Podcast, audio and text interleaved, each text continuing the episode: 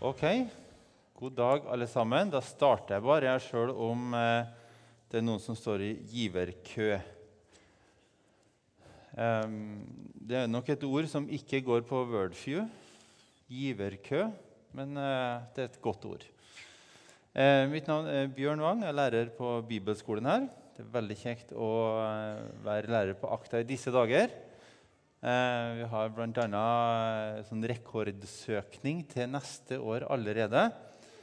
Eh, vi, har 59, vi har ikke 800 og 2000, men vi har eh, 59. eh, og det er før vi har starta opptaket. Opptaket starter i desember. Og det ser ut som at vi får et bra hopp fra i år til neste år. Så det, det er kjempebra. Jeg tror vi skal starte med å be. Gode himmelske Far, takker for eh, ditt ord. Takker at du er en eh, god far. Og takk at du har eh, gode tanker for oss. Amen. Nå har jeg et bilde på veggen, kanskje. Sindre? Noen som vet hvem det er? Du vet det? Han var på framsida av dagbladet.no denne uka. Han er president i Uruguay. Eh, hvor random er det, liksom? Eh, han, han er kjent for å gi vekk 90% av inntekten sin. Så Hver eneste måned gir han vekk 90% av sin inntekt til veldedige formål. Eh, og så har han eh, nekta å bo i presidentpalasset. Eh, han har ikke livvakter. Eh, og han eh, bor på gården til kona si. Eh, og så har han som hobby så dyrker han blomster på den gården. Jeg bare tenkte jeg skulle, Nå kan du ta vekk bildet. Jeg bare tenkte jeg skulle vise det sånn apropos at vi har en giveraksjon i, i november. Han, han er ikke kristen, men, eh, men gjør det han mener er rett. Han klarer, han klarer seg fint på, på 10 av inntekta. Um, Jeg synes var, Egentlig så hadde jeg fått temaet dette med økonomi og givertjeneste og sånn. Nå har det vært så mye snakk om det allerede i gudstjenesten, så jeg føler det litt kleint å stå her. Så jeg Klarer dere mer, eller? Skal, skal, vi, skal vi gå på litt til? OK, takk. Eh, jeg har jo skrevet masteroppgave om det her, om misjon og penger. Og så mener jeg to ting. Jeg mener da at eh, Kirka i Norge får altfor alt for mye penger fra staten. Det er det ene. Eh, og så mener jeg at eh, de fleste kristne, eller mange kristne ikke har opplevd gleden og velsignelsen med å gi, men at det er en uforløst kraft som ligger og sprenger på. Så er det som mål på talen det at du skal få en opplevelse av det å gi som en nåde og en glede og en takknemlighetshandling, og ikke som plikt, en plikt eller et krav. Og Det er en grei målsetting. Jeg tenker det. 2. Korinter 8,9 står det Dere kjenner vår Herre Jesu Kristi nåde. Enda han var rik, ble han fattig for deres skyld, så dere skulle, skulle bli rike ved hans fattigdom. Er det noe som preger denne menigheten, som jeg har blitt en del av her, IMI, så er det raushet, sjenerøsitet og godhet. Se deg litt rundt i salen der du sitter nå. Se på de folkene du har på sida og bak deg, eller foran hvis de snur seg. De folkene du ser her, de spiller i Champions League. Både når det gjelder å gi og ettergi og stille sin tid og sine tjenester til disposisjon. Se dere litt rundt. Ikke se på meg, se dere rundt. Snu på hodet. Sånn, ja.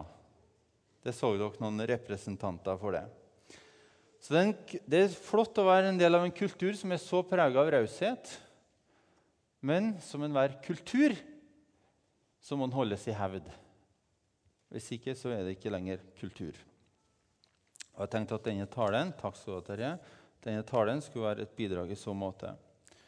I, I januar ble jeg ordinert til prest, og derfor har jeg vært i en del begravelser i år eh, og hørt mange minnetaler. Som regel av mine egne minnetaler. Eh, og så har jeg møtt mange etterlatte og sørgende. Eh, og, og, det har fått meg til å tenke litt på hva ønsker jeg skal bli sagt i min begravelse. Og nå skal dere høre Nei da.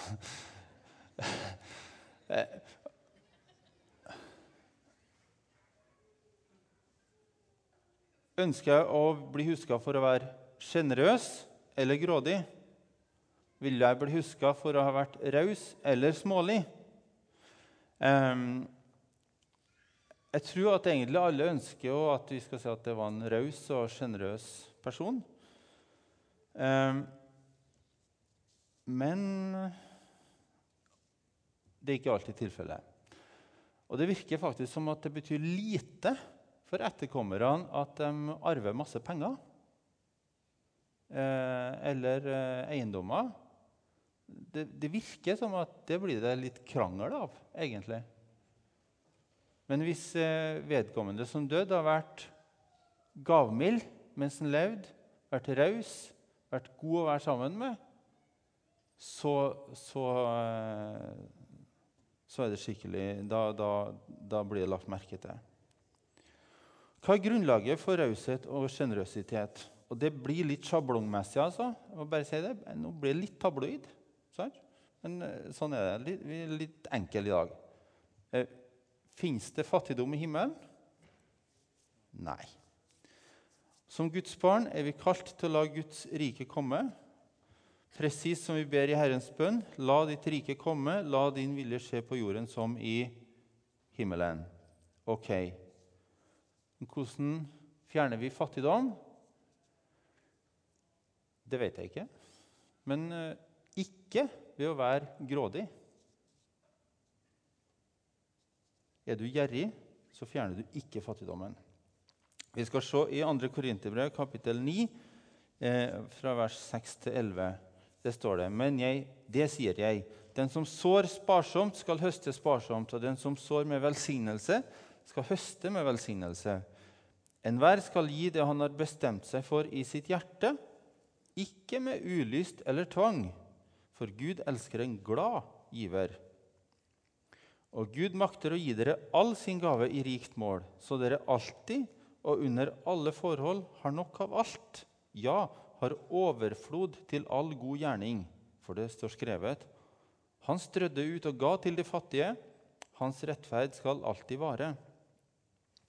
Han som gir såkorn til den som skal så, og brød til å spise, han skal også gi dere såkorn og la det bære rikelig, og la deres rettferdighet bære rik frukt. Dere skal ha rikelig av alt, så dere gjerne vil gi. Og så skal, så skal takken stige opp til Gud. Fantastisk. Eh, Gud elsker en glad giver. Og har litt sånn enkel logikk på det området. her, sånn, eh, Fire punkt. Punkt 1. Gud er en glad giver sjøl. Gud, Gud han gir sine barn de samme kvalitetene som han sjøl har. Akkurat som mine unger har arva visse egenskaper av meg. Heldigvis ikke alle. Eh, tre, vi er Guds barn. Da har vi lagt tre premisser. Og Ifølge det jeg har lært på X-Fil, studerte, så kommer det da en konklusjon. Vi kan bli glade givere. Premiss 1 Gud er en glad giver. 2. Guds barn skal ha de samme kvalitetene som han. 3. Vi er Guds barn. Altså, vi kan bli det som Gud er, altså en glad giver. Er du med på den? Yes? Det er ikke vanskelig. Jeg har opplevd flere ganger egentlig ganske mange ganger, at folk og særlig kristne, reagerer på talen om tienden. I parentes bemerka, som eh, Steve sa, tienden, dvs. Si 10 Du sa ikke alt jeg skal si nå, men tiende vil si 10% av bruttoinntekt som folket skulle gi til å drifte gudstjenesten. Og det prinsippet ble eh, holdt opp som et Guds rike prinsipp helt fra Abraham til Jesus og videre opp igjennom eh, når vi leser Bibelen. Har, men jeg har møtt personer som har blitt oppriktig såra, oppgitt og sint når dette med tienden har blitt løfta fram. Og så har jeg lurt på hvorfor det. Hvorfor går det sånn inn i følelsen? Og så har jeg et forslag til løsning. For, og det er en påstand, en tese, som kan etterprøves. Jeg tror at det er gudsbildet som blir utfordra hos den enkelte. Gudsbildet, altså hvordan vi tenker oss at Gud er. Er ikke Gud nådig da? Jo, han er jo det. Blir vi ikke frelst bare ved å tro på Jesus? Jo, det er klart vi blir det. Ingen kan jo kjøpe seg inn i himmelen. Vi betaler jo ikke avlat lenger. Ser ikke Gud at jeg trenger pengene sjøl? Vet du hvor mye tienden faktisk er? Ja da, jeg kan tenke meg hvor mye den er for en del av dem som sitter her. Jeg kan tenke meg at den er både 30 50 og 70 000 i året. Og så blir det stående som en sånn indre dissonans med Gud, som på den ene sida gir alt, og på den andre sida krever mer enn jeg kan bidra med. Og Så har jeg sjøl vært der, da. Eh, og jeg syns at ordene om tienden var vanskelig å forholde meg til. Omtrent like vanskelig som den bønna i Fader vår eh, Fader vår har hatt kjempeproblemer med, egentlig. Liksom så selvsagt. Sant? Forlate oss vår skyld, som vi òg forlater våre skyldnere. For, for det var noe jeg ikke ville tilgi heller og sånn urett begått imot meg.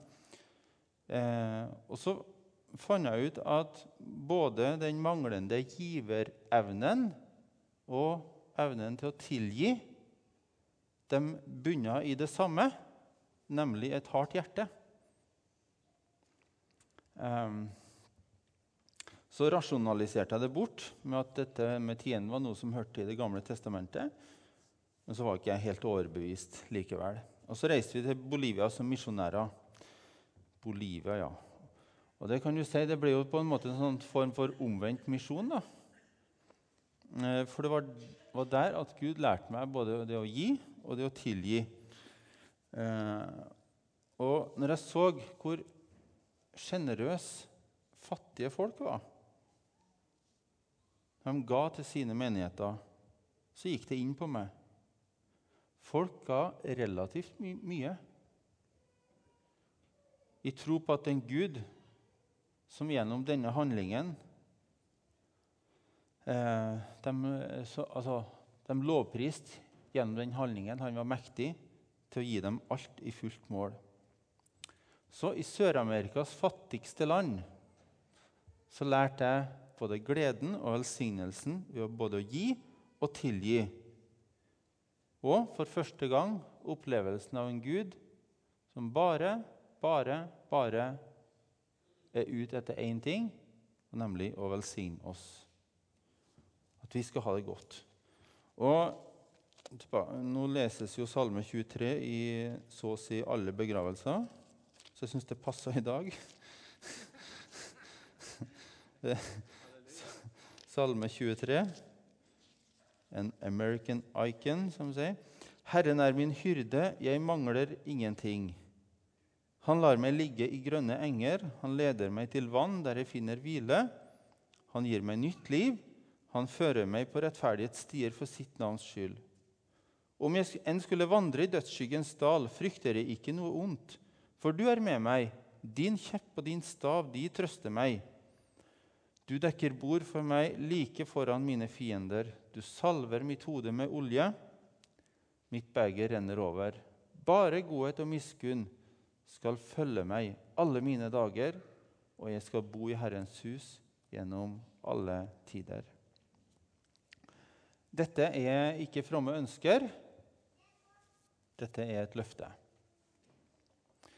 Eh, og egentlig når jeg gir fra meg noe av det som jeg har fått til forvaltning,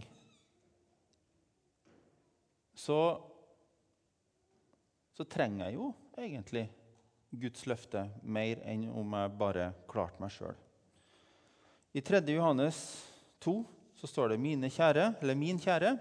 Jeg ønsker at du på alle vis får være frisk og ha det godt, like som godt som du har det åndelig. Uttrykket 'å ha det godt' det knyttes til 'på alle vis'. Og Det betyr på alle vis, også økonomisk, familiemessig, kroppslig, og Hvis vi ser i Bibelen, skapelsen, Adam og Eva, de hadde overflod. Og det er såre godt. Eh, du ser i Abraham. Han var fantastisk rik. Isak, Jakob. Det står om Jakob at han, han høsta korn i 100 fold. Det vil si for hvert korn han sådde, så vokste det opp 100. Det er bibelske proporsjoner. Helt uten kunstgjødsel så får en rikdom. Og, når jeg tar, og så kan du lese om David og Salomo og, og andre. Og når jeg tar inn over meg at Gud er en god far som vil gi sine barn gode gaver, til og med økonomisk, så får det betydning for hvordan jeg tenker om Gud, hvordan jeg ber, hvordan jeg sjøl vil være, og hvordan jeg vil gi. Og så er dette Guds rike er annerledesriket. Bakvendtland, om du vil. Fullt av paradokser og tilsynelatende motsetninger. Siste skal bli de første. I Guds rike den minste er den største. Barnløse Abraham, for å komme tilbake til han, skal bli far til mange folk. Lille David, minstemann i familien, i en sånn ussel slekt i Betlehem som ikke var noe navn. Ble konge i Israel. Jesus, Guds sønn, som kom som en fattig eh, flyktning, uvelkommen baby. Jesus sier for å komme inn i Guds rike må vi bli som barn igjen. Ser dere det? Det utfordrer oss på, på holdningen, på ydmykheten hele veien. Også dette at vi må gi for å få. Jeg tror at Gud eh, ikke får gitt oss det han vil gi oss ofte, for at vi har jo så mye. Markus 8, 35. For den som vil berge sitt liv, skal miste det. Men den som mister sitt liv for min skyld og for evangeliets skyld, han skal berge det. Hva gagner det et menneske om det vinner hele verden, men taper sin sjel? Eller hva kan et menneske gi til vederlag for sin sjel? Det står også det er en større lykke å gi enn å få. Og I ordspråkene fire bevar ditt hjerte framfor alt du bevarer, for livet utgår fra deg. Eh, litt tilbake til det med selvopptattheten. Er det plass for Guds velsignelse i livet vårt? Må vi gi vekk noe? Må vi gi avkall på noe? Må vi kvitte oss med noe? For å, for å erfare Guds velsignelse. Den som gir, han blir velsigna. Fylt med takknemlighet. 2. Korinter 9,12. For denne tjenesten, denne gudstjenesten, altså det å gi den gudstjeneste, er ikke bare en hjelp for de hellige i deres nød. Den skaper også en overflod av takk til Gud. Etter at jeg begynte å gi, så ble det mye lettere å ta imot. Når folk ville gi meg noe, så syntes jeg det var kleint og det var klamt, for jeg skulle jo klare meg sjøl. Eh, Sjølberging, det er liksom sånn rotnorske. Men jeg kan se at vi flere ganger har tatt imot pengesummer på ja, ikke en sånn voldsom, men 500 lapist og pist og 1000 og, og litt sånn eh, andre gaver. Og Tidligere så ville jeg tenkt at jeg hatt store store, store problemer med å tatt imot. Men etter jeg begynte å gi sjøl, så tenker jeg at Eller øver meg i å tenke, rett og slett. Åh, så flott at du vil gi. Jeg skal gi deg muligheten til å bli velsigna ved at du gir til meg. Snu på det. Ja. Eh, og, så, og, så, får jeg et forvalteransvar for det jeg da har fått. Så dette med raushet det er en ball som ruller. Eh, jeg har hatt anonyme gaver. Jeg har hatt folk som kjente for å gjøre det. Liksom, du skulle ha den. Finn på noe kjekt med kona di. Fantastisk. Eh, både når jeg trengte det, men også når jeg ikke har trengt det. Og så må vi ikke bli sånn kaldt beregnende at nå har jeg gitt så og så mye til Gud. Da må jeg vente å få så og så mye velsignelse tilbake. Det, kan, altså det, det blir helt feil. For Gud er ingen automat at du putter på og får ut igjen. Trenger Gud våre penger? Slettes ikke. Så Hvis Gud ville, så kunne han ha laga ei seddelpresse. Det hadde ikke vært noe vanskelig engang. En gullgruve. Um, men når du gir, så demonstrerer du friheten din. Jeg er fri, jeg har fått masse til forvaltning, og jeg viser at jeg er fri. Mest står for deg sjøl. Og når du gir, eh, så sier du at Gud, forholdet til deg det er faktisk verdt mye mer enn det som du kan gi meg. Det er faktisk verdt mye mer enn det jeg har. Vi søker giveren og ikke gavene. Og så er det en sånn trick her, da, at hver gang vi gir, så blir vi bitte, bitte lite grann mer lik Gud. Og hvem ønsker ikke det? Eh, 2. Korinter 9,7 jeg skal repetere last i stad. Enhver skal gi det han har bestemt seg for i sitt hjerte, ikke med ulyst eller tvang. Det syns jeg er et flott vers. Det er frihet, ikke sant? Det er frihet det er snakk om. Og ansvarlighet. Jeg bruker å si til ungene mine at eh, hvis du skal ha frihet, så følger det med et ansvar. Hvis du ikke kan ta ansvaret, så kan du ikke få den friheten. La meg holde igjen litt. Jeg tror kanskje det er flere foreldre som Jeg håper det er flere foreldre som gjør det sånn. eh, og da er tanken at alt, alt Altså, Jesus har kjøpt meg. Han har betalt en høy pris. Han døde på korset for mine synder. Han kjøpte meg fri fra syndens slaveri. Ok?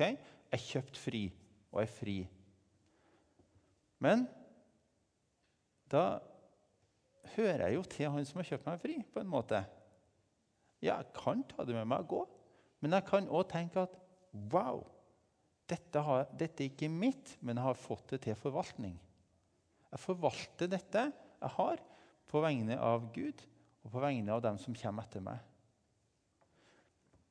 Jeg har frihet og ansvar, og det, og det, og det krever at jeg planlegger. For det står enhver skal gi det han har bestemt seg for i sitt hjerte. Og Da syns jeg at denne lille, dette, denne lille folderen her La ditt liv få betydning. Det er en hjelp. Jeg har en personlig bekjennelse. Jeg, har, jeg jobber her på bibelskolen, så jobber jeg litt utenom. og Det er litt variabel inntekt, sånn at jeg har ikke noe sånn fast trekk på akkurat det.